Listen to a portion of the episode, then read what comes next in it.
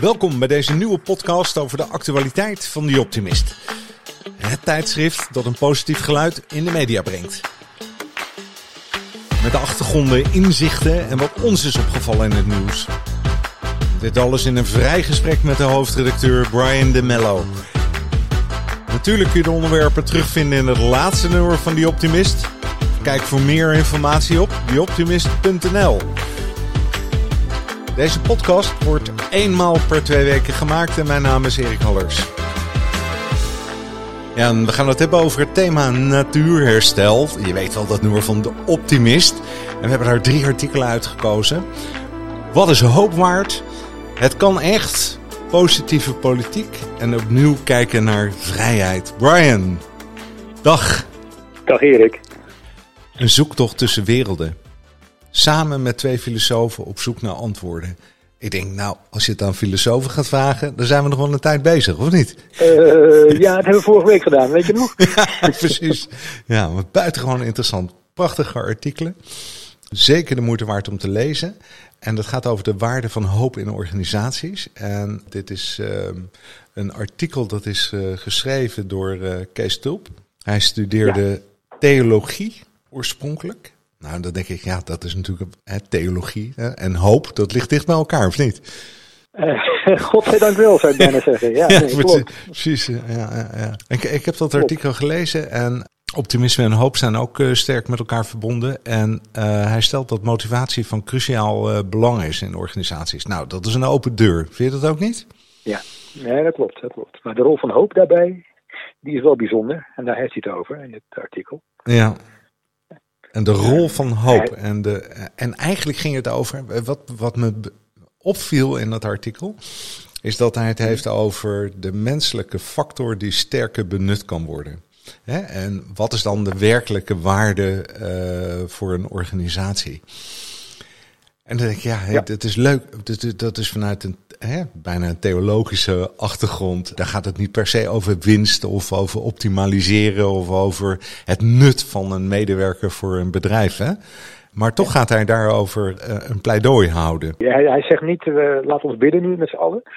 Het is onderdeel van een positief psychologisch kapitaal. Ja, wat bedoelt hij daarmee? En, uh, dat bedoelt hij dat het een motiverende kracht is, waardoor mensen eerder in staat worden gesteld om hun doel te bereiken. En dat houdt weer in dat de emotionele betrokkenheid van medewerkers, die komt voor een deel voort uit, uit hoop. Uh, laten met z'n allen iets, uh, iets, iets, doen. Dat, dat hoopvolle uh, met name. Dat geeft mensen ook weer de, de, ja, de kracht om samen iets te bereiken. Een, een, doelstelling. Dus ook voor de organisatie waar ze werken. Ja, wat is, wat is het verschil met de hoop en de droom? He, vaak wordt er over de droom. Wat droom je van? En dan gaan we erachteraan. En we hebben bedrijfsdoelen en missies en visies. En dat is ook een soort droom, toch? Ja. Dat is niet alleen ja, hoop. Klopt. Dus dat ligt nog wel iets uh, anders, hè? Ja, hij gaat vanuit dat je hoop kunt trainen. Dat je oefeningen voor kunt doen. Dus dat je je hoop sterker kunt maken. Ik weet niet of je dromen sterker kunt maken. Hoop wel, volgens uh, Kees Tullet. En je ziet ook een, uh, een, correlatie tussen hoop en zaken als tevredenheid, winstgevendheid, creativiteit. Dat is net het verschil denk ik tussen uh, hoop hebben en een droom hebben. Een droom ook iets abstracter, uh, nog abstracter dan hoop. Ja, het is een soort. Eigenlijk probeer je een soort betekenis te geven. Aan, voor medewerkers van de organisatie of in de organisatie, of betekenisvoller te zijn. Of, het gaat ook misschien ja. wel over welbevinden. Hè? Dat, dat woord uh, kom ik ook ergens tegen. Woord. Maar hij zegt ook, hoop is een, um, een, behalve een individuele emotie, ook een soort sociale constructie. Dat je met ja. elkaar ook een vorm van uh, hoop hebt. Maar en dan komt er iets anders weer voorbij als je het leest. Dat hij het weer heeft over invloed uh, die je uit kunt oefenen op anderen. En als ik dat dan lees, dan denk ik ook, ja, natuurlijk hebben we daarom een missie en een visie en we willen ergens naartoe. En ik praat met medewerkers of ik stimuleer ze hè, eigenlijk om zichzelf te ontwikkelen. Dat kan ook allemaal. Ja. Ja, maar het neigt ook ergens in, naar de, bu in de buurt van toch een soort voor, een vorm van manipulatie. Klopt dat? Ja, ja dat. ja, je, dat bekropen, hè? Nou, het, hij zegt heel mooi, uh, hoop heeft wel een morele dimensie. Dat wil zeggen, je mag geen misbruik maken van hoop. Je mag geen valse hoop geven als leidinggevende bijvoorbeeld. Ja. En uh, ja, in die zin is inderdaad uh, het element hoop in een organisatie is, ja, ik zou zeggen, multidimensionaal. Wat je net zei ook over, het is een sociaal proces uh, stimulerend. Uh, mensen gaan er beter mee aan de slag, hoopvoller mee aan de slag, met hoop. Dus in die zin is ook een leider die moet zelf het voorbeeld geven daarin. Ook, ook zelf hoop hebben en uh, hoop uitstralen. En wat ik erg opmerkelijk vond, was dat hij zei dat, uh, hier staan, hoop is een leiderschapswaarde die meer dan intelligentie, opleiding of talent invloed heeft op het succes van het leidinggeven. Nou, als je dat jezelf realiseert als leidinggevende, ja, dan ga je toch nadenken van, hmm, hoe sta ik zelf in als, uh, als hoopvol of juist niet hoopvol? Ja, precies. Ja, je, je straalt het uit. Ja. Ja, mooi was dat, mooi. Ja, ik vond het een buitengewoon ja. interessant artikel. Hè, maar um, ik, vond, ik vind het zo mooi dat als een organisatiekundige ja, er zo over gaat schrijven. Maar vanuit een theologisch standpunt. En weet je, dat vond ik zo bijzonder eraan. Een ander punt. Hoog tijd voor positieve politiek. Uh, dat was ja. een uh, artikel geschreven door Lianne van Koken en Rogier van der Wal. En nou, ik, zit, ik ben zelf ook een, een beetje actief in de gemeente. Hè, een, beetje zo'n dorpsraad. Hè. Dan moet je denken aan Asterix en Obelix. Hè, meer ja, de, de dorpsraad rond het vuur. Jij bent de Bart toch? Neem ik aan of niet? Jij was die Bart. hey, we gaan het wel aardig doen tegen elkaar hè, vandaag. Hey, um, Oké, okay, ik beloof dat ik niet ga zingen. Hè? Dat, dat betekent mijn exit uh, natuurlijk. Ja. Dit artikel gaat nog over de aankomende gemeenteraadsverkiezingen. En mm -hmm. um, nou, wat, wat denk ik? Uh, heb jij gestemd, uh, Brian? Jazeker, heb ik gestemd. Tuurlijk, hè? dat is een plicht hè, om te stemmen, vind ik ook. Ja, een democratische plicht. Daar hebben we jaren voor gevochten dat dat mocht. En uh, dan mag het en dan moet je niet thuis blijven zitten. Hè, maar wat me wel opvalt, en dat zie je natuurlijk in die gemeenteraden ook, en dat zie je ook in de landelijke politiek, hè, dat het barst van de splinterpartijen. He, allemaal dit en dat en, uh, en noem maar op. Hè. Het is gewoon één grote kakofonie. En wat, wat ik enorm mooi vond aan dit artikel, of dat, wat zij stellen, is dat het imago in ieder geval uitermate slecht is wat de politiek heeft. Want ze bevechten elkaar. Het gaat meer over het gevecht dan dat het gaat over de inhoud. En dat is landelijk, maar zeker ook lokaal. En ik vond dat ze daar een, een, een hè, om dat eens een keer aan te pakken en te benoemen, want iedereen die ziet natuurlijk wat er gebeurt, maar wat doe je eraan? En zij hebben een methode of ze hebben iets voor het voetlicht gebracht, waarin ze op een andere manier kijken naar hoe zo'n coalitie gevormd uh, gaat worden. Ze hebben daar ook een naam voor. Hè? Welke naam hebben ze daarvoor, Brian? Even kijken of je het allemaal weet. Het raadsakkoord bedoel jij? Ja, precies. Het raadsakkoord. ja, ja, ik had er nog nooit van gehoord. Hè? Ik denk meteen aan een coalitieakkoord. Maar nee, het gaat over een raadsakkoord. Een raad, daar bedoelen ze eigenlijk mee de, de voltallige raad. Had jij er eerder van gehoord? Nee, tenminste niet op deze manier zoals zij het hebben beschreven. En ik vond het ook wel heel verhelderend, uh, want ik zit niet zo in de lokale politiek. Maar dat het uh, raadsakkoord staat dan eigenlijk tegenover het traditionele uh, coalitieakkoord. Precies. En kijk, de, de, het spanningsveld wat je dan hebt bij, een, uh, bij zo'n coalitieakkoord, van jullie tegen, tegen ons, dat je echt oppositie hebt versus degene die de coalitie vormen, dat je dat uit de weg gaat door een raadsakkoord te bedenken met z'n allen. Dat vond ik eigenlijk wel een, ja, vondst. Ja. En ook dat het groeit. Het aantal gemeentes dat inderdaad zo'n raadsakkoord echt heeft. Uh, vond ik, uh, nou, we hebben net, net over hoop gesproken, dit is ook hoopgevend. Uh, ja, precies. Hè? Sorry voor het woord. Ja, het artikel dat begint met het, met, met het uitleg hoe dat negatieve politieke sentiment tot stand is gekomen. Ze refereren dan aan een, aan een boek, The Power of Bad. Dat betekent slecht nieuws oh, ja. heeft vanwege onze negatieve bias een veel krachtiger impact dan goed nieuws. Ja. Je hebt uh, vier positieve dingen nodig om één negatieve ervaring uit te wissen. Nou, en dat kunnen we voor de politiek is dat simpel, hè? En dat lukt niet zoveel om, om positieve dingen te bedenken, hè? Want meestal hebben we kritiek. Je moet allemaal die optimist lezen, dat is duidelijk. Ja, ieder raadslid per definitie een abonnement op, op de optimist moet ja. krijgen. En, en het blad lezen dan vervolgens. Dat is nou uh, het uitermate uh, belangrijk. De ja. gemeentepolitiek is eigenlijk een hele geschikte arena. Nou ja, het woord arena, dat doet me ook al denken aan stierenvechten, hè? Of niet? Hè? Dus dat is... Voetbal meer bij mij, maar goed. Oh ja, oké. Okay. Oh, bij mij. Ja, ik zit ook in Spanje natuurlijk. Maar ah, ah, we hebben natuurlijk ook Barcelona en Madrid, maar ja, dat is wat anders. Maar het, op het moment dat je het woord arena gebruikt, hè, als het dan gaat over een bias, dan mhm. denk ik ook al, oké, dat, betekent dat er gevochten moet worden. Wat zou... je? Ja, precies. Ja. En blijkt dus dat er al uh, in, in Nederland in 2018 56 gemeenten waren die bezig gingen met een raadsakkoord, die met elkaar het gesprek aangingen. En dat ze niet op voorhand al zegt, nou, eens even kijken welke partijen we gaan samenwerken. Nou, welke gaan we uitsluiten? Die is het niet, die is het wel. En dan heb ik het ook nog niet eens over de manier waarop ze met elkaar discussiëren. Dat is ook nog een... Uh, ja, een bron van negativiteit. Gaat meer over de overwinning dan wat ze overwonnen hebben. Maar wat het mooie is, is dat je dus van tevoren met elkaar gaat nadenken over wat je nou wil bereiken in de gemeente. En iedereen vanuit zijn eigen perspectief. En dat leg je vast in een, in een akkoord. Ik vind dat een heel mooie methode om een, een soort positieve houding te krijgen. Want dan ben je tenminste niet vanaf het begin af aan al, oh ik hoor erbij en de ander hoort er niet bij. Ik zit in de coalitie, dus ik moet negatief zijn. Weet je wel? Eh, of ik moet positief zijn. Hè? En de ander zegt, uh, ik heb er niks mee te maken. Hè? Ik wil er negatief in zijn. Het haalt die, die, tegenstelling weg. Hè? Ik, ik, moest over nadenken toen ik in het stemhokje stond, daadwerkelijk. Want ik ben uh, toch wel een beetje zwevende kiezer geweest de afgelopen tijd met de gemeenteraadsverkiezingen. En ik stond in dat stemhokje. En ik, uh, ik had van tevoren al mijn huiswerk een beetje gedaan. Ik zag die lijst nog een keer voor me snuffert. En er zaten iets van 16 partijen of zo waar je uit kon kiezen hier in mijn dorp.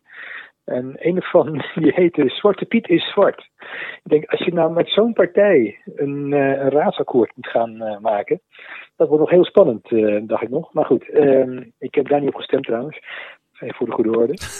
maar de, je andere dingen gaat denken van mij, Erik. Nee. Ah. Maar, maar er zit zoveel diversiteit in, in partijen dan ook, zelfs in, in, in, mijn eigen gerucht. Dat je denkt van oké, als die 16 een, raadsakkoord moeten gaan maken, dan ben je best wel een, uh, een tijdje bezig. Uh, ik zag ook ergens het voorbehoud staan in het artikel van een raadsakkoord doe je met bijna alle partijen. Dus met bijna tussen haakjes. Tuurlijk, ja. Dus ik kan me wel voorstellen dat je niet iedereen kan meenemen in zo'n akkoord, maar wel een grote meerderheid. Ja. Het klinkt allemaal zo mooi ook, hè? Dus ik zie hier bijvoorbeeld de kreet staan: vertrouwen boven wantrouwen. Klinkt zo makkelijk, hè? Klinkt simpel, hè? maar het, in ieder geval een soort in plaats van machtspolitiek een gedeelde inhoud uh, uh, proberen te bewerkstelligen tussen elkaar. Ik vind het een goede basis. En ik, ik dacht ook hier weer, buiten dat die raadsleden natuurlijk een abonnementje moeten hebben op de Optimist, zouden ze eigenlijk ook hè, met deze twee personen eens een keer uh, om de tafel moeten zitten. Hè? Dus Rogier en Lianne. En ik denk ja. dat ehm, dat, eigenlijk is het ook een kwestie van preken, nu we het toch weer over hoop hebben. Ja. Het is ook een, een, kwestie van eens aanhoren en weet je wel, de mentale wil hebben om de verschillen te overbruggen op voorhand. Hè? En niet in de traditionele valkuil van voor en tegen te gaan zitten. Ja, bijzonder. Nou, zal, ik jou een, uh, zal ik jou een leuk verhaal vertellen hierover? Dat ja? als achtergrond. Ja? Uh, dit artikel is uh, tot ons gekomen via een lezer van ons, die ons als een soort ambassadeur voor die Optimist helpt, helpt aan goede content op het gebied van gemeente en politiek en overheid. Zijn naam is Peter Tannel, ik mag zijn naam een keertje noemen, dat zal je ook leuk vinden. Maar, maar Peter die, uh, die spot interessante mensen voor ons die bij de overheid werken. Ja. en wij zijn van plan om samen met hem na de zomer ook een evenement te organiseren. Voor en door de overheid, dat wil zeggen voor ambtenaren.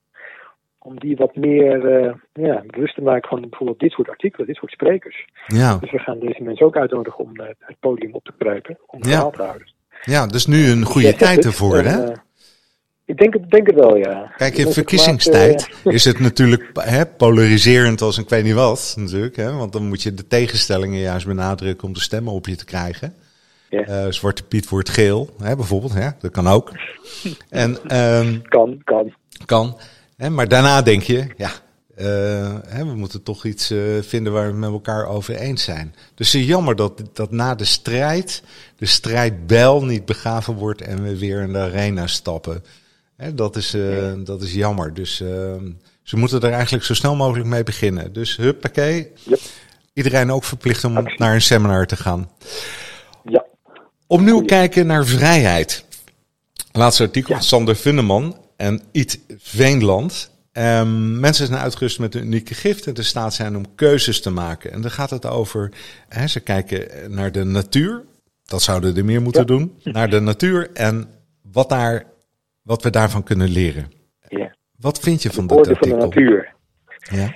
Ik vond het, uh, ja, ik, ik ken Sander wel uh, een tijdje inmiddels. Die weet heel veel van, uh, ja, van blauwdrukken die wij gebruiken in ons leven. voor van alles en nog wat.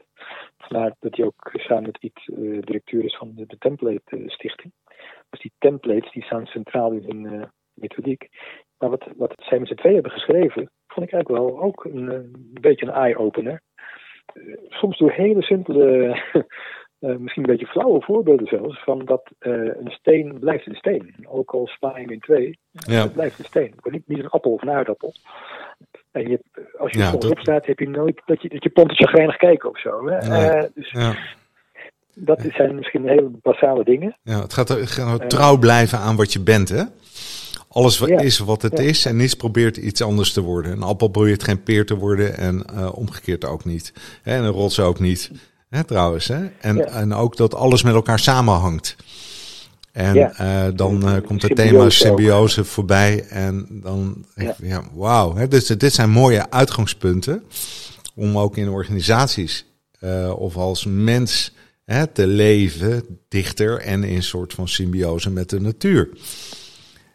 In plaats van Correct. conflict. Hè, want de stelling conflict maakt ziek hebben ze. En eh, ik weet niet of dat, of dat echt zo is trouwens, hè, maar ik kan me er wel wat bij voorstellen. Hè, dat als je niet in, in, ja, in symbiose met je omgeving bent, hè, dan levert dat eh, iets op eh, wat niet goed is. Hè. Dat is. Je roeit tegen de stroom in, in ieder geval. En dat is nooit goed. En ehm, op een gegeven moment hebben ze het over orde en samenhang. En vrije keuzes die daarin eh, mogelijk zijn. En ze geven daar een aantal voorbeelden aan. Zou je er eens één of twee kunnen noemen? Jazeker. Eh nou, een voorbeeld van eh, de keuze om een, optimist of een pessimist te zijn, bijvoorbeeld. Vond ik wel aardig. Je bent vrij om te kiezen daarin, natuurlijk. Maar datzelfde geldt ook of je, hoe je omgaat met, problemen, bijvoorbeeld. Dat, dat is ook zoiets. De keuze die je maakt, die heeft invloed op jouw gezondheid, op je gesteldheid, op je welzijn. Dat is eigenlijk de, de bottom line, denk ik, van wat ze zeggen met die vrije keuze.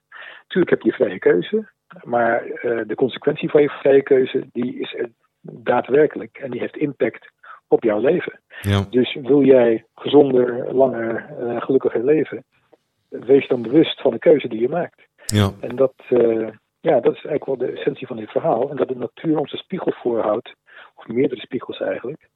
Ehm, zoals je net zei over die symbiose. Ja, dus dat heeft ook te maken met die gevolgen die je ervaart als je een keuze maakt. Ja. Ehm, Ja, het- ze zeggen eigenlijk hè, dat, dat, dat als een natuur op een bepaalde manier werkt, welke keuze zou ik dan kunnen maken om, misschien ook wel onbewust, hè, daardoor, Mhm. of als effect eh, van een keuze, dichter volgens die natuur te leven en te werken en te denken. En dat zijn die, die vrije keuzes. Dus met je vrije keuze, je hebt wel een vrije keuze, maar je kunt ook, je kunt dus ook een positieve vrije keuze maken. ja, Hè, omdat dat als effect heeft dat je makkelijker en dichter langs de, langs de lijn van de natuur eh, leeft en werkt. Ja, ik vond ze nog. Ze hadden een hele mooie tip, vond ik ook. eh, over hoe je omgaat met problemen. Elke dag ongeveer 15 tot 20 minuten schrijven over je diepste gevoelens en gedachten lijkt te leiden tot minder huisartsenbezoek. Verhoogde productie van antistoffen in het bloed, een betere stemming en stressreductie. Nou, kijk, ik zou zeggen, neem die mee voor de volgende keer. Zo is Schrijf dat. het van je af. eh, doe ik ook elke dag. Ja, hey, dit is- werkt. Brian, we zijn aan het einde gekomen. Ik vond Geloof het het wel, drie interessante artikelen die je me eh, gestuurd hebt, die allemaal terug te vinden zijn in het nummer van de Optimist. Wanneer komt trouwens het volgende nummer uit? Eh, die komt uit op 23 april, uit mijn hoofd. En eh, het wordt weer een hele spannende, kan ik je nu wel vertellen. Want we gaan het dan hebben over het thema vrijheid onder andere. Ja. Dat is trouwens, als ik toch even nog daarover doorhaak, heel snel. We hebben dat congres gepland op 20 april Ja? aanstaande. En dat hebben we iets compacter gemaakt nu. Nog steeds met eh, nou, onder andere Sander uh, Vunneman en Iet Veenland, die we net Ja. hebben eh, geciteerd. Ja, Ehm, met Klaas van Egmond onder andere ook. ja, Ehm, dat wordt ook wel een hele leuke middag, want daar gaan we het ook hebben over vrijheid, alvast vooruitlopend op het nieuwe nummer. ja. En dus maak je bord van nat. En wat is er compacter gemaakt? We hebben een middag van gemaakt als van een hele dag. Dus het begint om eh 1 uur. Ja, En we hebben het wat interactiever gemaakt ook. Zodat mensen ook eh, wel in discussie kunnen gaan en wat eh, meer eh, de ontmoeting kunnen aangaan met Ja. de sprekers. ja, ja, ja, ja, ja. Dus 20 april, schrijf het op. Yes. Ik ben er ook. Antropia, hè? Antropia, helemaal goed. En je moet je aanmelden bij dieoptimist.nl. Zo is dat. Brian, ik wens jou verder een hele mooie dag, een mooie week. En ik zie je over twee weken. Hoor je in ieder geval. tot later. Tot later, hè? Dag. Brian. Hoi. Hoi.